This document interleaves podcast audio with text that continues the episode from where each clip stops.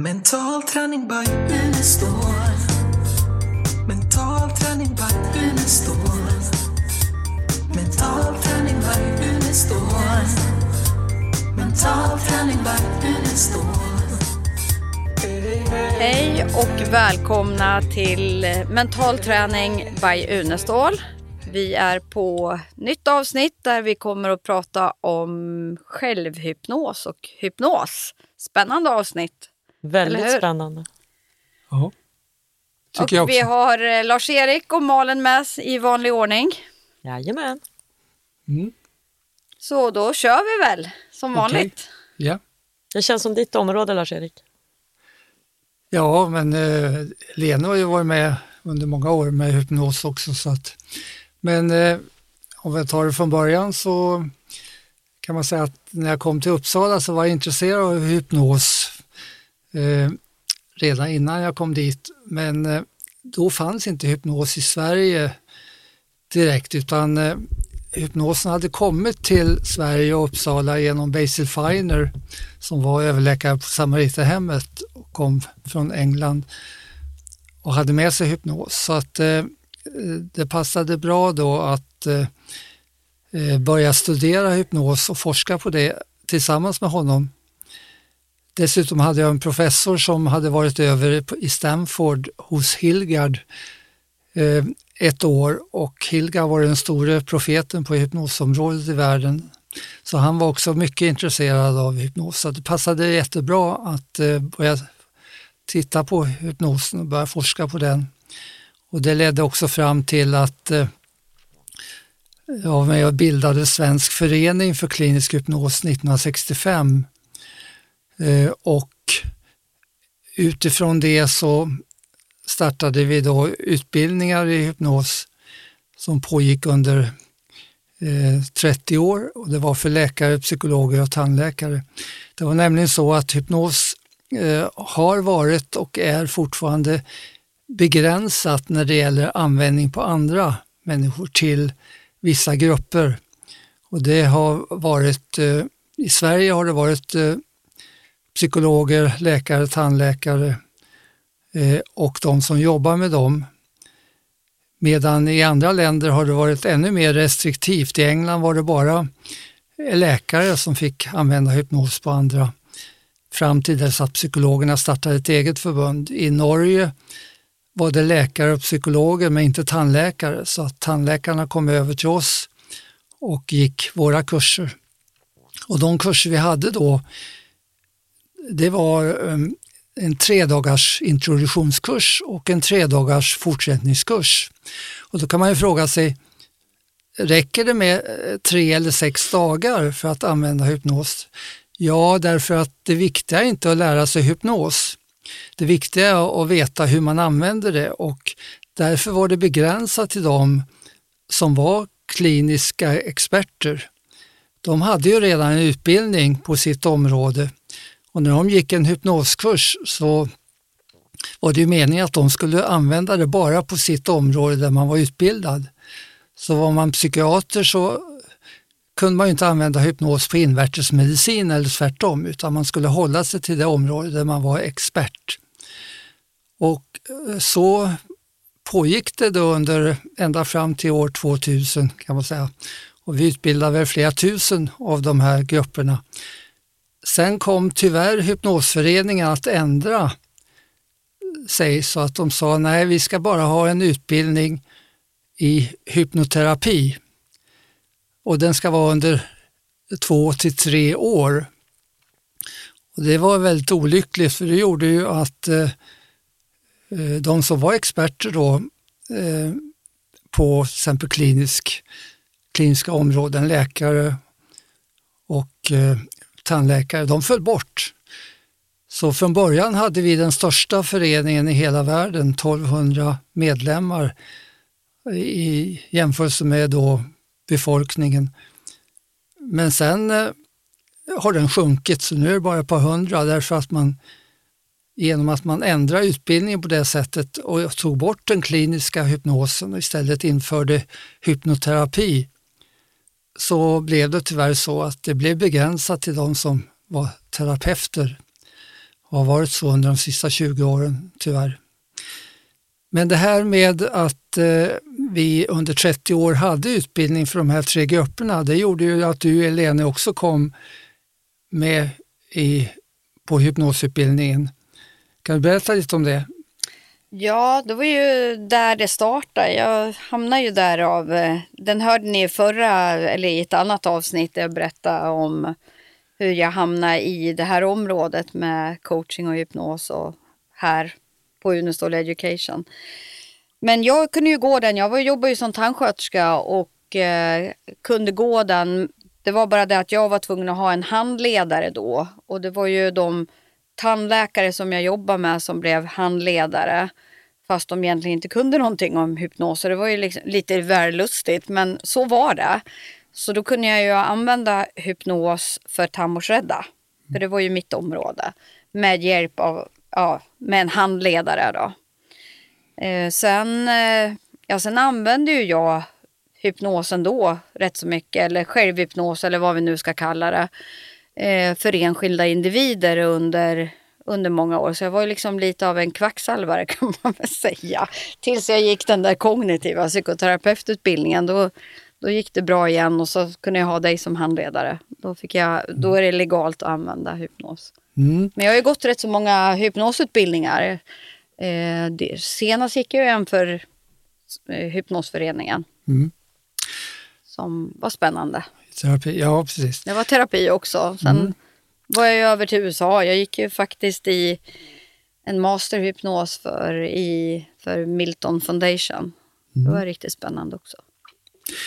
Eh, Du nämnde självhypnos och eh, det är viktigt då att titta på det för att eh, när vi tittar på mental träning då så bygger ju den på hypnos men ändå använder vi inte ordet hypnos. Och det har att göra med två saker. Det ena var att eh, i den forskning eh, jag gjorde och som ledde fram till en doktorsavhandling 1973 så visar jag väldigt klart att all hypnos egentligen är for- en form av självhypnos.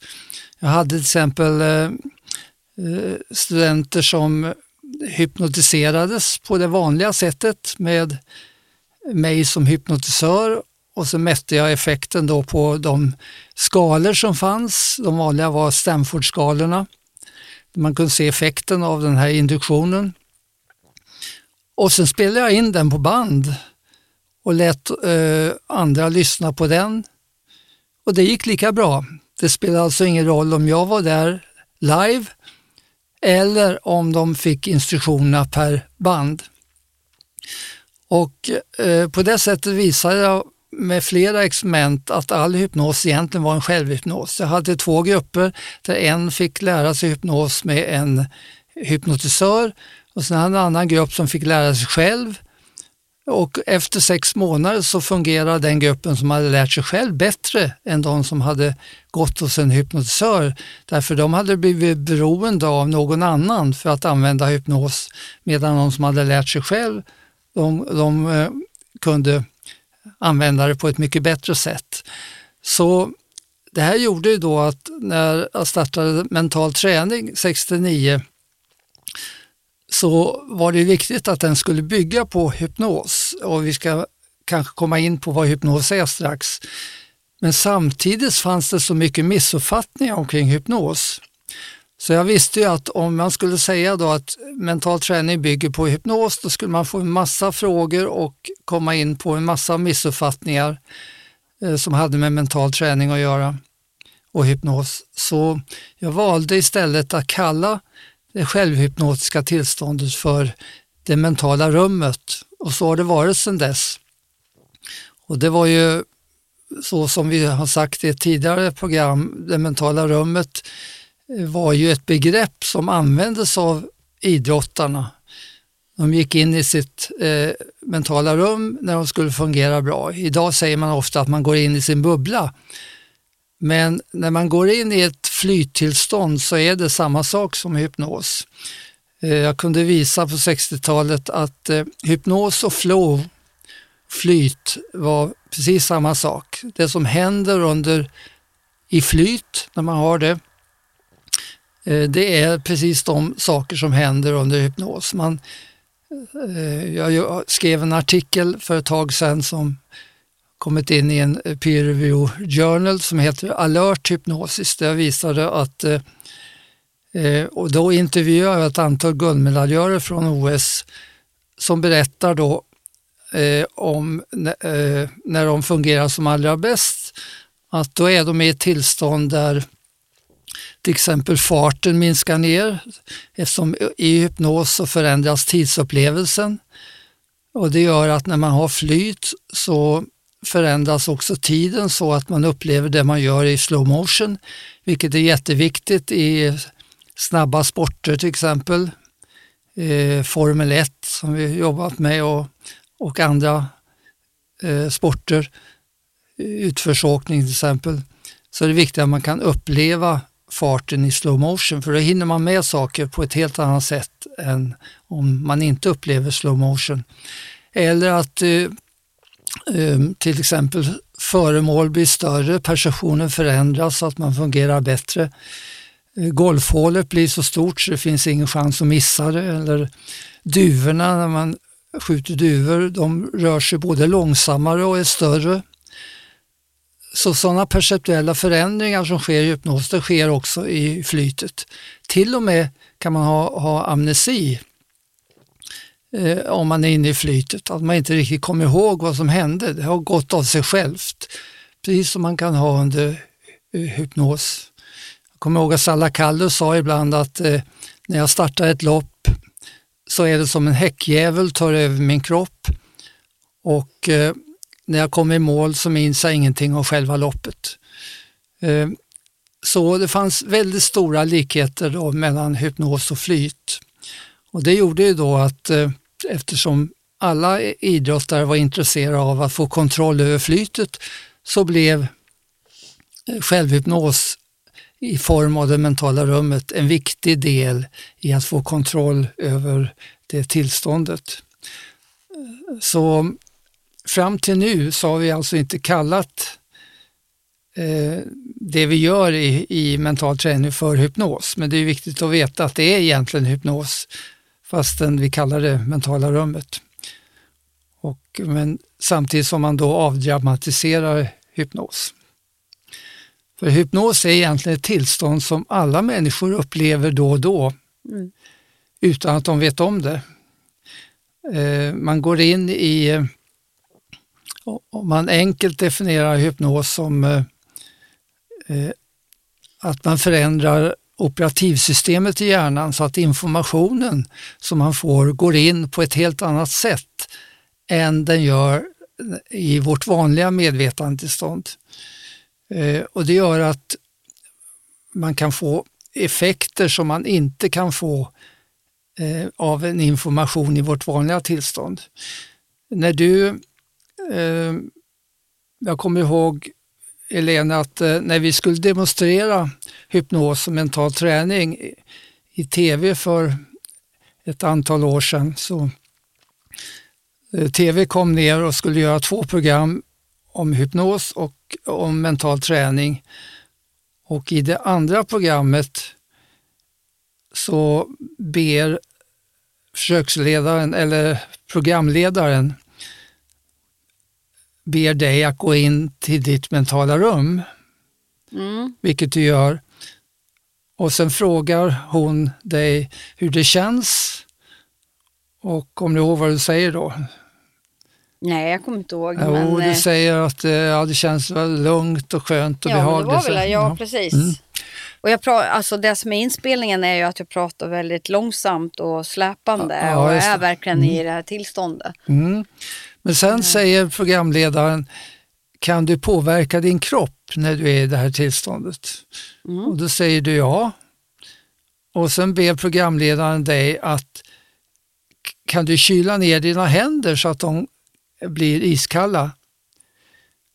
Och jag vet att du sa efteråt att du hade aldrig fått den uppmaningen förut? Jo, det hade jag visst. Du hade gjort det en gång tidigare. Hade jag gjort det en gång Ja, tidigare? men det gjorde du ju, vet du, när vi Jaha. var där nere i Skövde och vi, det var 700 personer och jag visste inte att jag skulle göra det och tog upp mig på scen och Ja. jag var ju livrädd. Men första gången du fick uppmaningen, då visste du inte hur du skulle göra. Nej, första gången jag hade ju ingen aning. Jag satt Nej. ju där framför 700 personer och, och, i ren skräck och, och du tog upp och sa att jag skulle kyla ner handen. Jag visste inte ens vad jag skulle göra. Nej.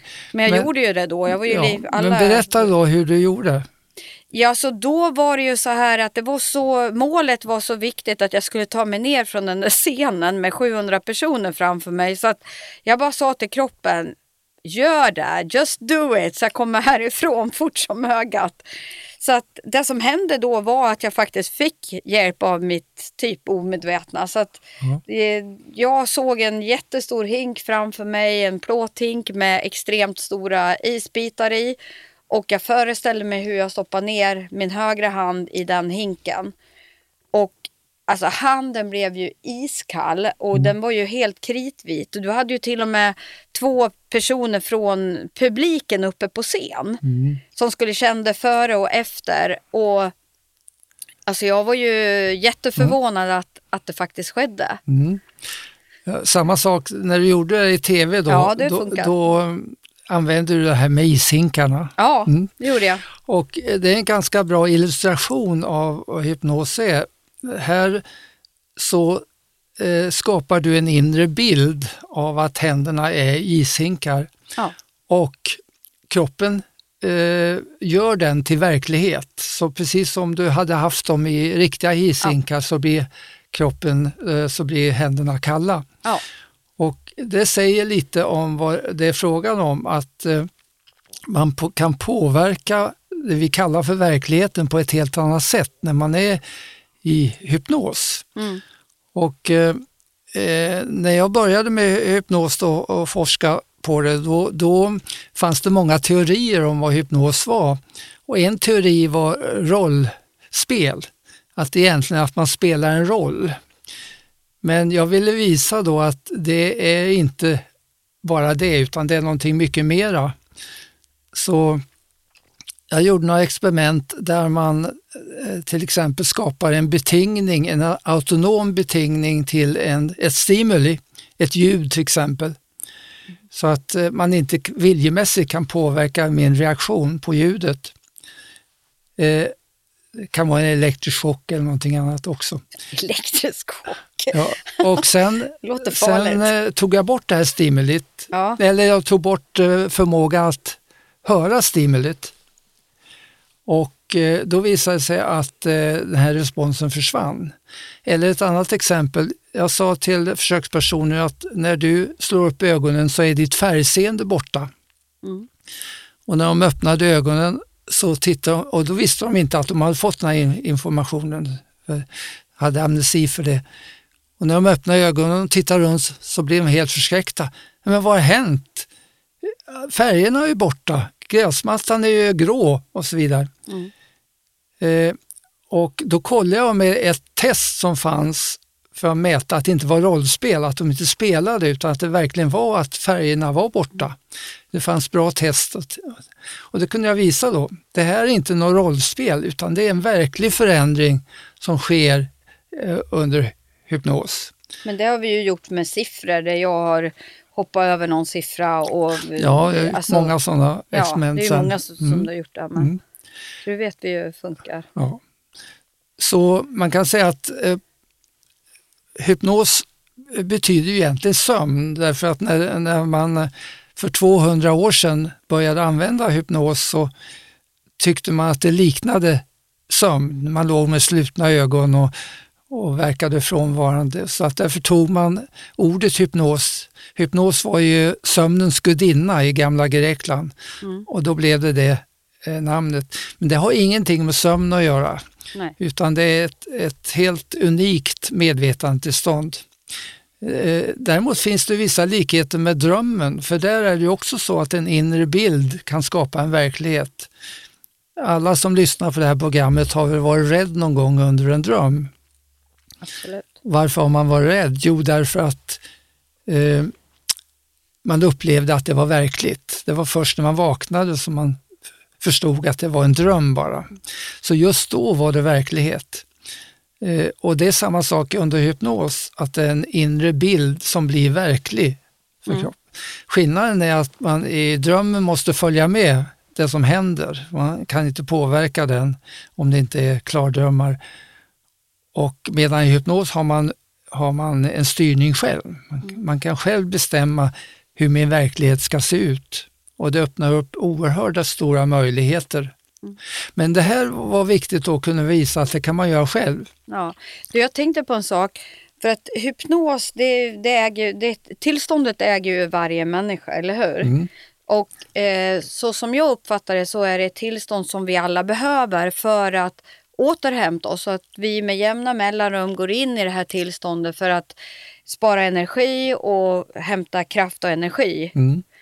Och därför känns det ju som det är så viktigt att den mentala träningen finns, speciellt grundträningen med den här muskulära delen eftersom fler och fler blir mer och mer stressade och mer och mer spända om vi generaliserar. Så den muskulära delen gör ju att vi sänker vår grundspänning och får tillgång till det här hypnotiska tillståndet igen. Mm. Vad säger du om det? Jo, grundträningen går ju ut på att eh, inte bara ge en effekt så att man får den rätta muskulära spänningen i kroppen, utan också att den, eh, den plus andningen ska leda ner till det mentala rummet Ja. och att man sen ska kunna använda det för sin egen skull. Och där blev det ju speciellt viktigt då att föra ut det. Å ena sidan hypnos på andra, det var begränsat till läkare, psykologer och tandläkare. Men hypnos på sig själv var viktigt att för, föra ut till alla människor. Så redan 1968 så gjorde jag en LP-skiva som hette Hypnos. Mm. Och det var eh, väldigt intressant att se vilken, in, vilket intresse det väckte runt om i Sverige. Eh, och jag fick eh, en massa feedback. Bland annat fick jag ett telegram från Paris, eh, från Povel Ramel, där han skrev att eh, jag har fått tag i, i din skiva och den använder jag nu hela tiden för att få ändan ur vagnen, sa han. Så den används på en massa olika sätt runt om i Sverige. Och eh, eh, därför att det här är egentligen naturligt att man lär sig använda det själv. Precis som du säger så går man in i spontanhypnos, alla människor, då och då. Ungefär som på natten där vi har en sömncykel. Ja. Där vi ungefär var 90 minut går in i en drömfas så verkar det som man också på dagen kanske var, var 90 minut går in i ett hypnosliknande tillstånd. Och det som händer då det är att man blir mer eh, påverkbar av sina egna tankar. Och eftersom många människor har negativa tankar och problem, om man då kombinerar det med det här tillståndet så skapar man problem. Yes. Så vi säger ju ofta när vi eh, pratar om hypnos att egentligen är det fråga om att avhypnotisera sig från problem man redan har skapat. Precis. När man har varit i Ja. spontana hypnotiska och bli, tillstånd. ja, och bli medveten om att vi går in i det här tillståndet med jämna mellanrum och då är det viktigt att veta och ta ansvar för vad har jag för tankar och hur tänker jag om mig själv för annars kan man faktiskt förstärka det som man egentligen inte vill ha. Mm. Förutom de här spontana så verkar det som när man går in i en upplevelse eller ett, eh, när man lever sig in i någonting så Mm. blir det också ett hypnosliknande tillstånd och du har ju väldigt lätt för det. När du tittar på film så lever du så in så att eh, man tror att du är, att du är med i Ja, men jag handlingen. är ju med i filmen och du förstör ju den. Du sitter ju och analyserar sönder den och talar om vem mördaren är eller vad, vad Mm. som händer. Men när man kommer in i sådana tillstånd, då liknar det också hypnos. Ja, man, jo, men det gör man det. fångas av Absolut. innehållet i... Och vissa människor har alltså lättare för det än andra. Om vi sammanfattar det här så är det ju faktiskt viktigt att veta att vi går in i spontan hypnos eh, flera gånger per dag med syfte att vi ska återhämta oss och hämta kraft och energi. Och har vi då tränat den muskulära avslappningen så att kroppen är i ett avspänt tillstånd så kan vi återhämta oss mycket enklare och bättre. Och jobbar vi sen med våra egna tankar och ser till att vi har positiv inställning, positiva tankar och fokusera på det vi vill ha så kommer det att ske mycket lättare med hjälp av de här spontanhypnosstunderna eh, som vi får med jämna mellanrum. Mm. Precis. Eh, när, när man eh, tittar på vad, vad som är möjligt att göra så finns det egentligen inga begränsningar. Om vi tar några andra exempel från dig. Eh, du har till exempel eh, låtit operera dig under hypnos Ja. utan, utan någon vanlig anestesi. Ja, det har jag ju. Kan du Eh, berätta? Ja, men det var ju eftersom jag, vi har varit på så många såna här hypnoskongresser runt om i världen och varit på massor med workshops och sådär och, och träffa fantastiska människor som har gjort operationer eh, med bara hypnos. Så tyckte jag att jag hade ju tränat så mycket så det borde jag också klara av. Så att jag hade ju ett, eh, jag fick ju mitt första barn med kejsarsnitt och det blev eh, Alltså de sydde ihop det helt fel så det såg inte klokt ut. Så efter en, när, när det hade gått en 13-14 år så kände jag, nej men nu vill jag fixa till det här. Och eh, då bestämde jag mig att jag skulle göra det under hypnos. Och det var ju inte jättelätt att få den här kirurgen att gå med på det. Han trodde ju att jag var helt knäpp. I och för sig det kanske jag också, vad vet jag. Men jag lyckades övertala han och skriva på liksom ett avtal att jag skulle göra det här själv och så kom jag dit. Eh, och ehm, jag gick ner i hypnos och så var jag vaken under hela, under hela operationen. Så att jag, jag var i hypnos men ändå kunde jag prata. Så att jag pratade ju med kirurgen och han bara sa jag skär nu, jag skär nu. Jag bara, men skär, jag är klar, jag liksom, det är lugnt. Så egentligen skulle jag ha sövits ner och jag skulle ha sovit över, över natten. Det var liksom den vanliga proceduren. Istället så låg jag där vaken och pratade och skrattade med kirurgen medan han gjorde det han skulle och lossade det här från magmusklerna, sydde ihop och satte in ett dräneringsrör och så hoppade jag ner från eh, kirurgbordet och sprang till tåget och så åkte jag hem till Kopparberg. Mm. Och det du berättar är, är då intressant utifrån den här eh, traditionella uppfattningen då att hypnos ligger man med slutna ögon och verkar helt frånvarande. Så behöver det inte vara. Det är därför Nej. vi, eh, jag skrev den här artikeln om alert hypnosis där man tar exempel från idrotten där man ju är helt fullt Ja. aktiv Ja. och med, precis som du var där. Och eh, det var intressant eh, för jag gjorde ett experiment på 60-talet som är det enda som har gjorts i världen. Eh, nämligen jag bad eh, eh, frun till en av mina assistenter eh, vid universitetet att eh, han fick kolla henne under en vecka och vi eh, lät henne gå in i hypnos med uppgiften att bete sig som vanligt.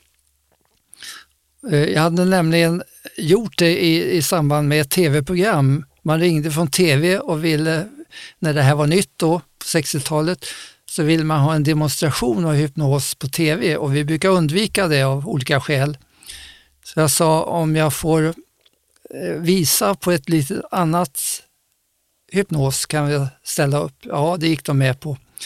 Och då bad jag en eh, patient som var intagen på psykiatriska kliniken för fobier. Hon fick ångest så fort hon träffade nya människor. Och det här var en, ett program med direkt eh, med publik. Mm. Så eh, det skulle vara många människor närvarande. Och då sa jag till henne, du vet ju att om du går in i hypnos så är du helt lugn och säker. Du, din vanliga oro finns inte. Ja, det visste hon. Så sa, då kan du väl ställa upp i det här programmet, för du kommer att få vara i hypnos under hela programmet. Ja, hon lovade att vara med på det, så innan programmet så fick hon gå in i hypnosen sa jag till henne, nu vill jag att du öppnar ögonen och beter dig som vanligt, men du stannar i hypnos. Mm. Så när programmet började då satt vi runt ett bord och då sa programledaren, ja men eh, Karin här, hon verkar ju vara helt vaken. Hur, hur vet du att hon är i hypnos? Och då sa jag till programledaren att sträck fram din hand så tar jag en nål här och så sticker jag dig på din vänstra hand. Och det gjorde jag. Och det gjorde ont. Och då sa jag till henne, nu säger jag till dig att eh, från och med nu känner du ingenting på din vänstra hand. Och sen stack jag igen och hon rök till och sa aj. Så det var ingen skillnad. Sa jag, om, vi, om jag säger samma sak till Karin så kan ni se skillnaden. Och då fick Karin sträcka fram sin hand och sen sa jag, innanför det här området försvinner din känsel. Och så stack jag och hon reagerade inte. Men så sa jag, det här kan hon göra själv. Det är inte för att jag säger det. Så hon fick på sin andra hand säga till sig själv att innanför det här området känner jag ingenting. Och sen stack vi och hon kände ingenting. Mm. På det sättet kunde jag visa då att hon var i hypnos men hon kunde bete sig precis som vanligt. Mm. Så då gjorde vi det experimentet att äh, lät äh, frun till en assistent gå in i hypnos och fick vara i hypnos en hel vecka. Oj då. Och vaken och sova i hypnos och så vidare. Och sen iakttog han henne under hela veckan. Mm. Sen när veckan var slut så väcktes hon upp och då hade hon minnesförlust. Hon visste ingenting om den här veckan men hon hade betett sig ungefär som vanligt. Eh, kanske var lite mera påverkbar av, av, information och så men annars så var det ingen skillnad. Men hon hade amnesi. Det fanns ja. alltså borta. Så eh, det är alltså intressant att den här gamla uppfattningen om hypnos, mm. den stämmer inte utan det här är ett tillstånd som vi kan ha med oss ja. i väldigt många olika sammanhang utan att vi behöver lägga oss ner på en soffa och vara liksom borta. Mm. Jag kommer ihåg, eh, med, om vi går tillbaka under operationen som jag gjorde, så gav jag ju mig posthypnotiska suggestioner själv att eh, allting skulle läka dubbelt så fort. Mm. Så när jag kom tillbaka efter en vecka eh, till den här läkaren så var han i chocktillstånd att det hade, han bara, men hur är det, är inte ens möjligt att det kan läka så här snabbt. Nej, precis. Eh, så där finns ju också en sån otrolig potential om man nu tänker inför operationer och mm. om man mm. skulle bara få med sig posthypnotiska suggestioner. Mm. Att läkningen kommer gå fint och allt kommer att läka bra. Mm. Så skulle det hjälpa väldigt mycket tror jag. Precis, det var och många... Det har du gjort, har inte du gjort det? Jo, ett experiment gjort, på USA där med, mm. med operationer. Ja, på nu. Jag har gjort eh, eh, på universitetssjukhuset har, har gjort ett antal experiment med eh, operationer och postoperativt sätt att man kommer tillbaka fortare. Ja. Eh, det har faktiskt gjorts en, en doktorsavhandling omkring det också här. Precis. Där vi hade med eh, det i samband med operationen. Ja, så att ja. Det, det, finns mycket som talar för att uh, det här skulle kunna användas mycket mer också inom medicinen. Absolut. Och därför var det lite synd att, som jag sa, att läkarna försvann från hypnosutbildningen ja. när, när man införde det här nya. Mm. Att hypnosutbildningen var samma som hypnoterapi ja, och inte den kliniska hypnosen. Mm. Vi har ju eh, också försökt att eh, införa i världen en ny form av hypnos.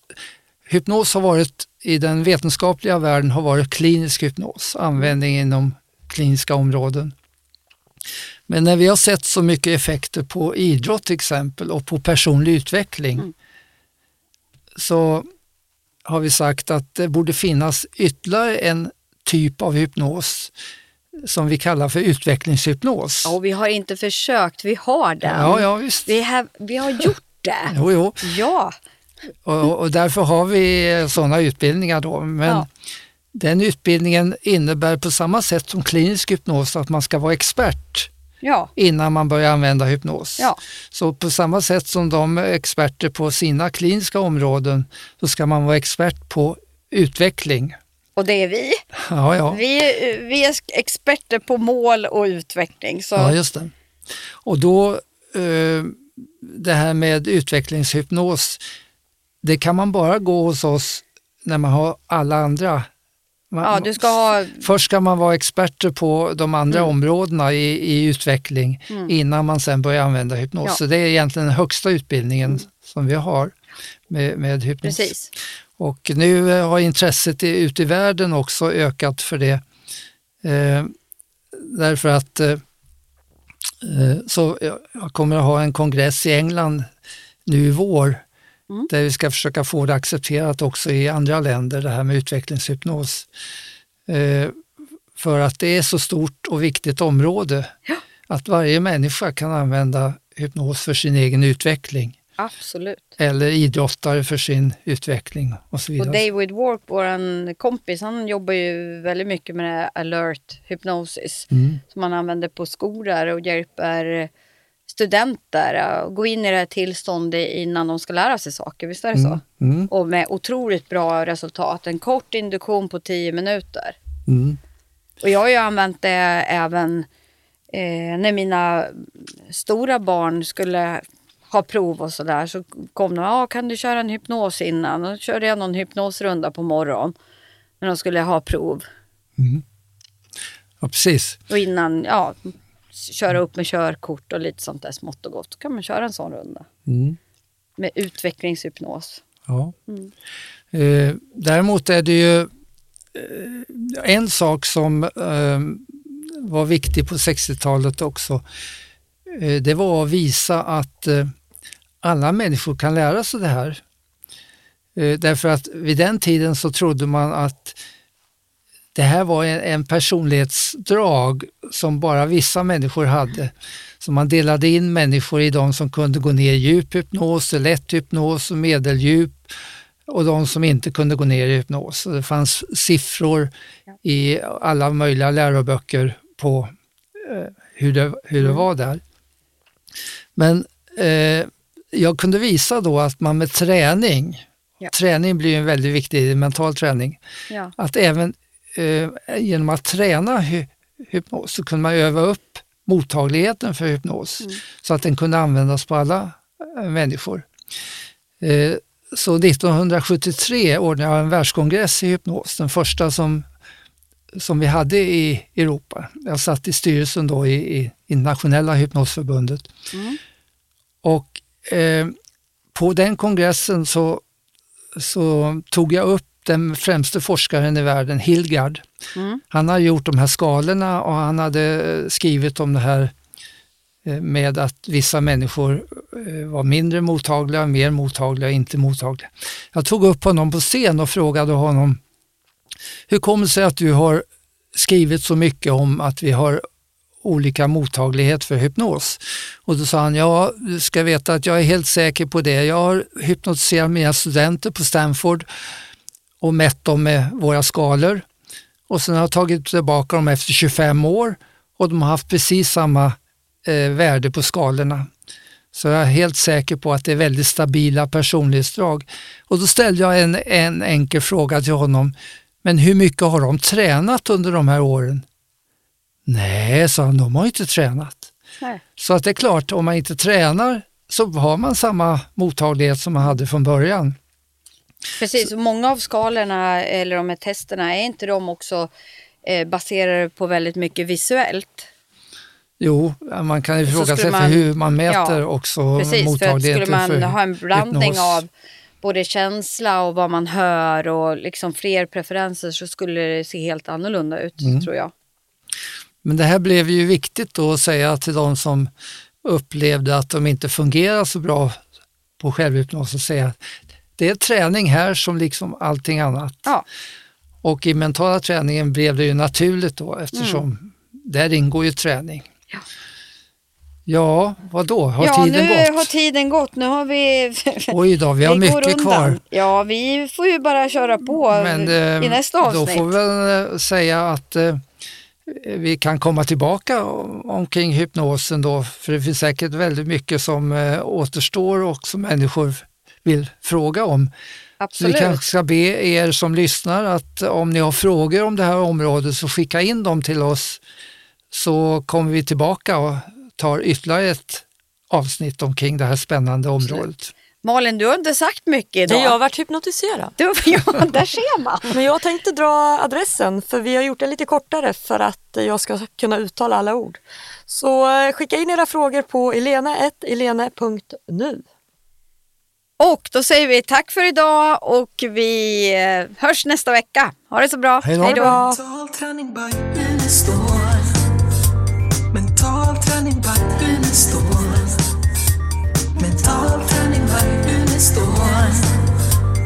It's all coming back and it's the